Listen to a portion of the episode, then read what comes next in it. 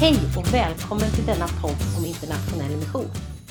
Jag som pratar heter Karin Åkesson och är missionsinspiratör i Equmeniakyrkan.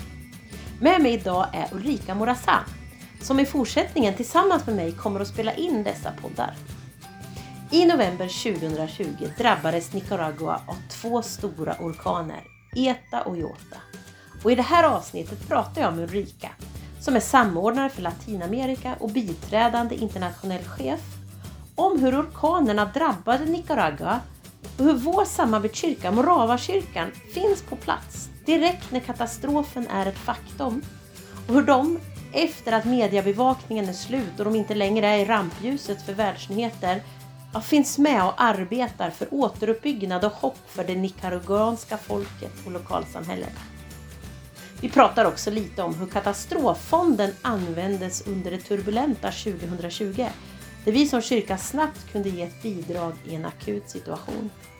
Nu bästa lyssnare beger vi oss till Latinamerika och Nicaragua.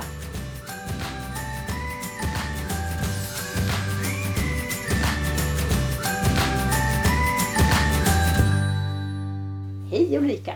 Hej Karin! Kul att du är med i det här avsnittet av Internationella podden. Härligt att få vara här. Mm. Du, för många tänker ju ändå att Ulrika Morazan klingar lite bekant eller är ett sånt känt namn. Och det är klart, du har jobbat ganska många år i vår kyrka och är också i ett bildarsamfund. Men vem är du? Vem är Ulrika Morazan? Ja, jag, Ulrika, jag är mamma till två tonåringar med allt det underbara och utmanande som det innebär. Jag är medlem i Hässelby missionsförsamling. Jag är ledare i några av grupperna i Ekumenia Hässelby. Och eh, när jag var liten så sa jag att när jag blir stor, då ska jag bli missionär eller statsminister. Och som du sa så har jag jobbat i samfundet ett tag. Jag är samordnare för Latinamerika och biträdande internationell chef. Jag brinner för mission där borta och här, här nära. Det är ungefär jag. Härligt! Du, hur länge har du jobbat som samordnare för Latinamerika? Det är tio år nu, lite drygt. Sedan 2010. Mm, då har du en del koll på, på Latinamerika kan man säga. Det kan man säga. Jag har det också för innan det så jobbar jag som internationellt ansvarig på Ekumenia och innan det på SMU. Så det, det är ännu längre om man ska vara riktigt noga. Just det. Du, det här avsnittet kommer handla om eh, Nicaragua och de eh, ah, orkanerna som eh, drabbade landet där under hösten. Men du, för de som inte riktigt kanske har hundra koll på världsgeografin, var ligger Nicaragua? Nicaragua ligger i Centralamerika, ungefär mitt i. Och Centralamerika det är liksom landtungan kan man säga mellan USA, Nordamerika och sen så då Sydamerika. Där i mitt i så ligger eh, Nicaragua, har kust både mot Stilla havet och mot Karibiska havet. Hur skulle du beskriva det här landet? För du har bott där om jag inte är helt ute och cyklar. Ja, jag har bott där. Under tre år bodde jag där. Då var jag utsänd utav SMU, numera Ekumenia. Och det är ett fantastiskt vackert land eh, rent så naturmässigt. Människorna så otroligt öppna. Eh, en sträcka som kanske skulle ta bara några minuter att gå oftast här hemma tar ganska lång tid att gå i Nicaragua. Inte då bara för att det är så varmt, utan för att du måste säga hej till alla och alla säger hej tillbaka och du måste fråga hur familjen mår och sådär. Så det är ett otroligt vackert land, både naturmässigt, människomässigt, men som också kämpar. Kämpar med stora utmaningar. Det är ett av de fattigaste länderna i Latinamerika. Stor eh, skogsskövling som pågår och eh, politiska utmaningar. Varför finns Equmeniakyrkan i Nicaragua och hur länge har vi varit liksom, samarbetskyrka med en kyrka där? Vi har varit samarbetskyrka med Moravakyrkan i Nicaragua sedan eh, början av 1990-talet. Och det kom sig av att en Ecuador, eh, en svensk missionär som hade varit och tjänat länge i Ecuador Eh, Eh, flyttade till Costa Rica och där lärde känna nicaraguaner, medlemmar i Moravakyrkan när det då var inbördeskrig i Nicaragua som flydde till Costa Rica. Där kom han i kontakt med dessa människor och ett samarbete kring just teologisk utbildning på distans. För under kriget och snart därefter så gick det inte att eh, samlas på ett seminarium utan man hade teologisk utbildning ute i byarna, i olika byar. Så att det började för på 90 början av 90-talet. Och alltså egentligen via våran Pactokyrkan i Ecuador, alltså vår samarbetskyrka där. Ja, missionären som kom i kontakt med Nicaragua hade tidigare tjänat i många år i Ecuador, ja. Coolt! Mm, verkligen. Ja, du i november förra året så fick vi rapporter hit till Sverige om två stora orkaner som drog in över Centralamerika. Mm. Eta och Iota tror jag de hette. Precis. Mm. Och bland annat så drabbades ju Nicaragua och hårt vad jag förstår. Eh, har du lite mer information om, om hur, hur det drabbades det och vad var det som hände egentligen när de här orkanerna kom? Mm. För det första så är det inte helt ovanligt att orkaner drabbar runt, där, alltså runt Karibiska havet. Så. Um, Nicaragua drabbades hårt senast eh, 2007, så det är ganska länge sedan ändå. Men den 2 november så drog ETA in, kategori 4. Och den starkaste kategorin som en orkan kan ha är kategori 5. ETA drog in med starka vindar, med regn, med havsnivån som steg, med floder som steg, översvämningar. Och det fanns byar som totalförstördes. Många förstördes till viss del, men det fanns några som totalförstördes. Ganska på en gång så börjar man resa sig upp igen, resa sig upp, men börja ta sig upp, försöka plocka ihop det som går att plocka ihop av ens liv. Och 14 dagar senare, efter att ETA hade dragit in, så kom då Jota, kategori 5, alltså den starkaste kategorin, och gick i stort sett in på samma eh, ställe, liksom, rent geografiskt. Och då, jag menar, då var ju så många hus redan fallna eller var svajiga. Träd hade ramlat som tidigare skyddade och sådär. Så att Jota gjorde ju förstörelsen ännu större. Då var det än fler byar som totalförstördes. Ehm, förstörelsen blev helt otroligt stor, både vad det gäller bostäder men också vad det till exempel gäller odlingar. Många människor där lever på småodlingar, familjeodlingar. Och då utav både regn och eh, sedan översvämningar då vid floderna till exempel så eh, är det väldigt stor del utav människors odlingar och de odlingarna som sagt, det är där du har din mat. Det är det du ska leva på. Eh, det är din inkomst, din intäkt och det spolades bort. Så då innebär det att det är svårt med matförsörjning för stora delar av landet nu eller för de delarna som drabbades i alla fall? Ja, det är svårt. Mm. Och frågan är ju när, när man är på fötter igen att hinna så och det ska växa och sen skörda. Och har du överhuvudtaget utsäde att så? Men du, vad jag förstår så fick inte vi så jättemycket information i Sverige om den första orkanen utan egentligen mer när Jota kom, den, den på, på femman där. Men hur fick du då som är samordnare för Latinamerika, fick du veta liksom nästan innan det kom ut stort på nyheterna här också genom vår samarbetskyrka eller hur fick du veta om ETA? För det första, sen jag bott där så kollar jag lite, ny, eh, lite ofta då på hösten just hur ser det ut med orkan, orkanvarningar. Så jag har själv lite koll på och försöker följa sånt. Men det var samarbetskyrkan som hörde av sig och sa redan innan, för den här gången, till skillnad från flera gånger innan, så förvarnades folket stort och man evakuerade många, många vad är det, 40 000 åtminstone som man evakuerade för att eh, försöka rädda liv eftersom många byar ligger ut med havet också. Då. Och, eh, så att jag fick redan på, på måndagen den andra då drog ETA in och ja, på lördag redan höll jag på och pratade med samarbetskyrkerepresentanter, med vänner till mig um, om hur de förberedde sig, om hur de försökte spika fast sina tak, hur de laddade sina telefoner, försökte ladda allt som gick att laddas för att kunna från de uh, prylarna ladda sina telefoner senare när elen troligen skulle gå. Så att vi visste det innan ETA kom in och även Jota då så var jag i ständig kontakt. Faktiskt till och med när både ETA och Jota drog in hade jag både telefonsamtal och chattar så, med människor som berättar nu lyfter mitt tak.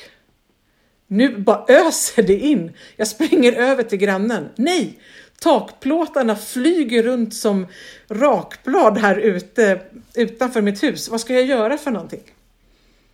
Vi har ju unika relationer, direktkontakt med människor på många delar av världen. Det här är ju en oerhörd förmån med att vara kyrka. Ja, att vara kyrka och ha långa eh, relationer som har varit länge.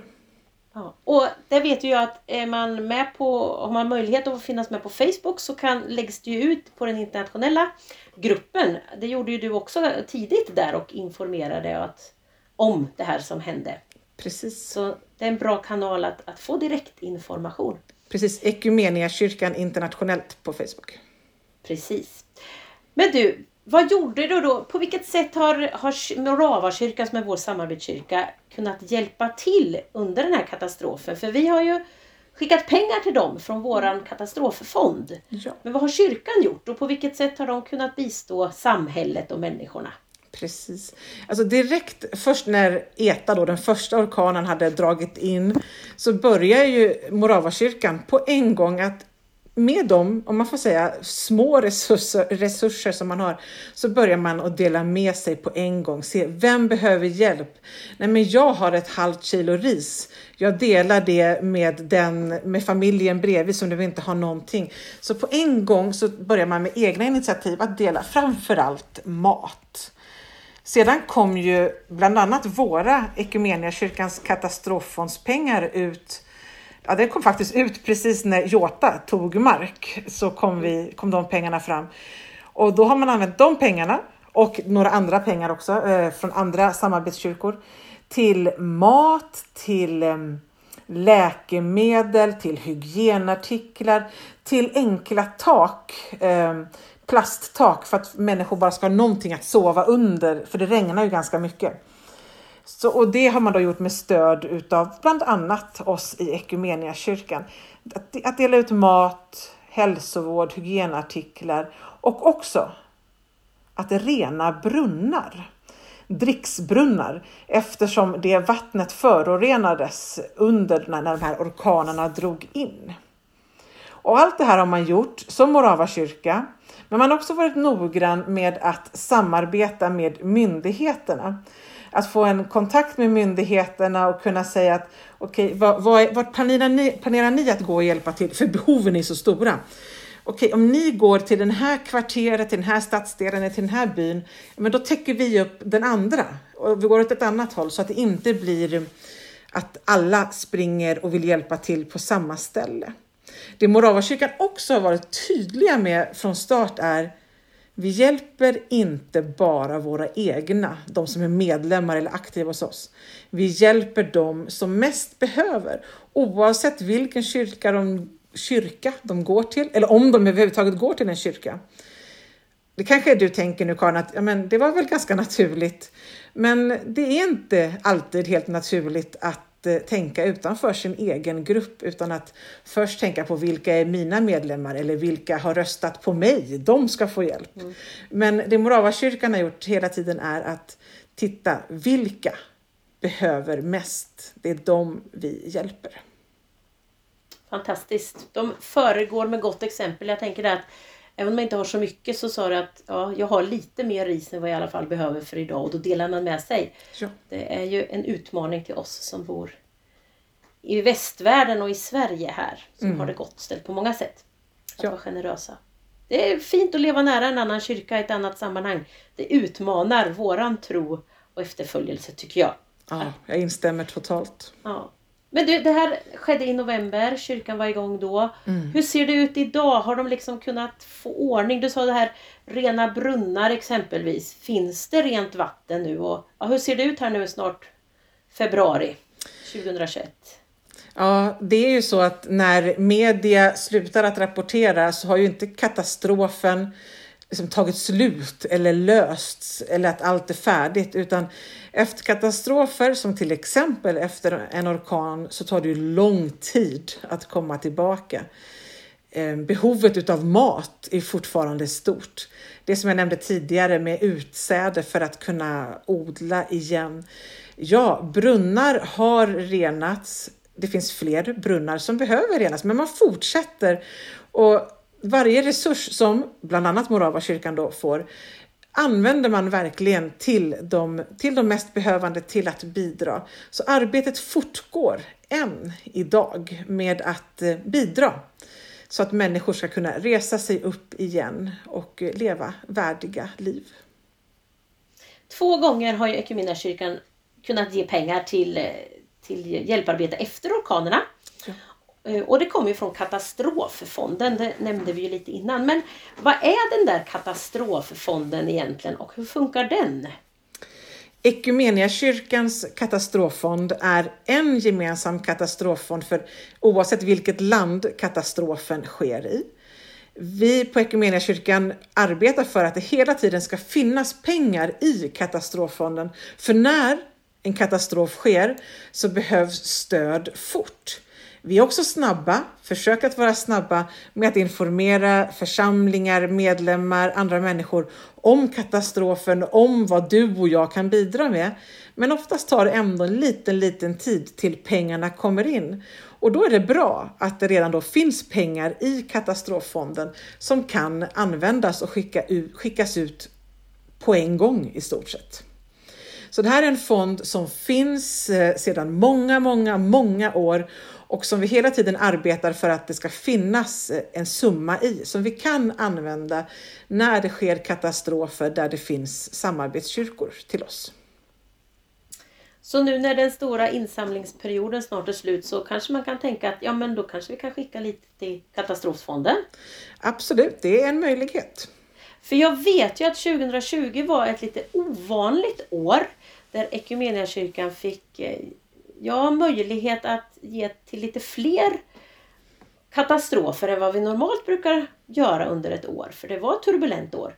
Kan du ge bara något eller några andra exempel på, på vad pengar gick till förra året från Katastroffonden?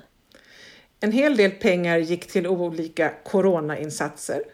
Men det gick också till insatser i till exempel Uzbekistan efter det att en damm brast till eh, Libanon, Beirut efter den stora explosionen och också till en översvämning i Indien så sent som i november 2020. Det är några exempel på vad Katastroffonden har bidragit till och vad, vad du och jag har varit med och bidragit till under 2020. Och som du sa Karin, det brukar tyvärr behövas pengar ur Katastroffonden varje år eh, till någon katastrof. Men så många katastrofer som det har varit under 2020, ja, det är ett tag sedan det var. Du, det här är ju lite spännande. Vi lever mitt i en pandemi då vi har svårt att träffas och mötas. Men det verkar som du har väldigt mycket kontakt med Latinamerika. Och då undrar jag, den här pandemin, har det försvårat eller har det stärkt relationerna till våra samarbetskyrkor? Jag skulle säga att eh, i flera fall så har det stärkt våra relationer. För att precis som att många av oss i Sverige har vant oss vid att använda olika digitala media för att se varandra via skärm så har människor i samarbetsländer också gjort det. Inte riktigt i alla, för att det finns inte alltid de tekniska möjligheterna. Men i många länder har så hänt, till exempel i Ecuador.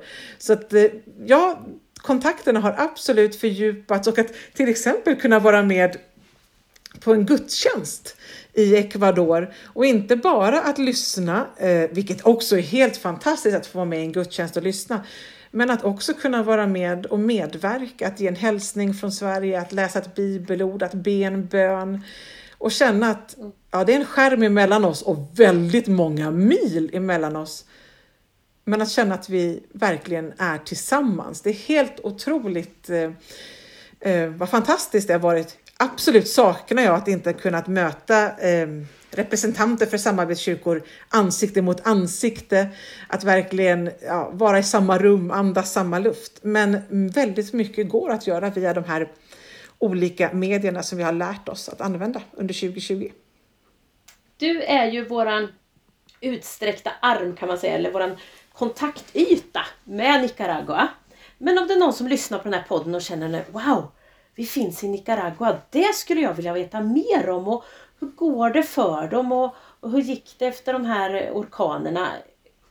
Hur kan man då få liksom mer information eller få reda på vad som är aktuellt och vad man behöver be för och sådär? En hel del finns på kyrkans hemsida där det går att söka på vårt arbete internationellt, hitta Nicaragua och eh, där vi uppdaterar regelbundet. Facebook, Ehm, jag vill också lyfta fram vår förbönskalender. Där nämns ju inte Nicaragua varje söndag eh, på något sätt, men där finns det ändå med. Det är några eh, möjligheter. Sedan går det också jättebra att höra av sig till mig så kan jag föra vidare lite filmer som finns från Nicaragua, filmade hälsningar och så, som inte ligger ute just nu i alla fall, eh, men som det går att få tillgång till helt enkelt. Eller bara ringa och ta ett samtal med mig. Det går också jättebra. Superbra Ulrika! De där filmerna, jag som inte kan prata spanska då, är de textade eller hur ska jag förstå vad våra syskon säger?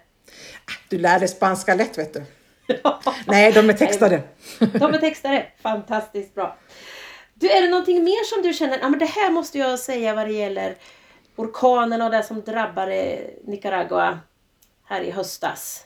Som du känner, det här har inte Karin lyckats fånga i någon fråga eller det här vill jag verkligen berätta. Jag tycker att dina frågor har varit väldigt, eh, säger man, de täcker mycket. Men ändå en liten så här summering att det är fantastiskt att få vara nära människor som drabbas så hårt av något som för mig är svårt att ta in hur mycket det påverkar människors liv. Och att ändå kunna säga hela tiden att Nej, men Gud är med oss, vi kommer att resa oss, vi klarar det här. Det är så svårt, men vi lever och vi får berätta om Gud till ännu fler människor. Eh, det är, det är inspirerande och som du sa förut, utmanande att få vara så nära människor på detta sättet och att få höra deras otroliga glädje när de känner att vi, vi i kyrkan, att vi är del av eh, den världsvida kyrkan, att vi är del av en och samma familj. Eh, att de verkligen känner det. Och det är helt, ja, det är glädje mitt i allt. En sista fråga innan jag ska avsluta med några snabba. Ah. Och det är ju det att Moravakyrkan har ju vi hört rapporteras om under det gångna året. Inte bara då på grund av den här orkanen eller orkanerna utan just på den konflikt har vi hört om som finns i Moravakyrkan. Hur ser det ut? Har det liksom blivit försoning? Hur ser relationerna ut just nu? Tyvärr är det ännu inte en enad kyrka. Det går att säga att det finns som två Morava-kyrkor i Nicaragua. Den ena delen som har följt stadgar och som vi och internationella eh, Moravasamfundet stödjer och den andra som fortfarande använder väldigt oschyssta metoder för att dra folk till sig och hålla folk borta från den andra delen av kyrkan, eller man ska säga. Eh, det, men det finns initiativ till försoning, eh, så förhoppningsvis händer det någonting snart. Det som ändå är fantastiskt att se det är att kyrkan har inte stannat upp för det. Församlingarna fortsätter Eh, sina liv och att verka som Jesu lärjungar på ett otroligt sätt eh, med evangelisationssatsningar, med kurser, med diakonala insatser även innan orkanerna. Så att på lokal nivå fortsätter kyrkan att verkligen leva ut Guds evangelium. Så de drabbas inte så hårt kanske just av konflikten i de lokala församlingarna eller är det splittringar på lokal nivå också eller är det mera liksom lite längre bort? Det är splittringar också på lokal nivå. Det är det? Ja. ja. Så när vi ska be för, för våra systerkyrkor, Moravakyrkan i Nicaragua mm. så behöver vi fortsätta be om försoning och förlåtelse och att det ska få bli, ja, bli enhet igen. För det är ju vad Jesus ber oss att be. Det, det, får vi gärna mm. be och jag får mm. många sådana röster från Nicaragua och de ökade väldigt mycket under hösten, även då innan orkanerna och så här, att alltså vi vill försoning, vi vill enhet. Då får vi ta med oss det som, som en bönämne framåt också. Ja, tack. Och då Ulrika, nu kommer fem snabba frågor till dig här. Varför internationell mission? Om du nu kan svara snabbt på det. För att Gud kallar oss till det. Det är inget val. Snyggt. Två. Senast lästa bok. Bästa hälsningar Britta av Britta Bolmenäs. Tre. Vad drömmer du om gällande Equmeniakyrkans internationella mission? Att den ska bli en del av varje persons vardag, inte bara en tillfällig grej under året utan en del av vardagen. Fyra. Det bästa med ditt jobb. Att jag har det bästa jobbet med den bästa blandningen. Samarbetskyrkor långt borta, men också få vara nära församlingar i Sverige. Strategiarbete och hands-on-arbete i projekt. 5. Ditt bästa missionstips till lyssnaren. Det finns så många, men eh, idag väljer jag att lyfta fram förbönskalendern, Equmeniakyrkans förbönskalender. Tack snälla Ulrika för att du har delat med dig av dina erfarenheter och att vi har fått vara en stund i Nicaragua tillsammans med våra syskon där. Tack så mycket! Tack själv!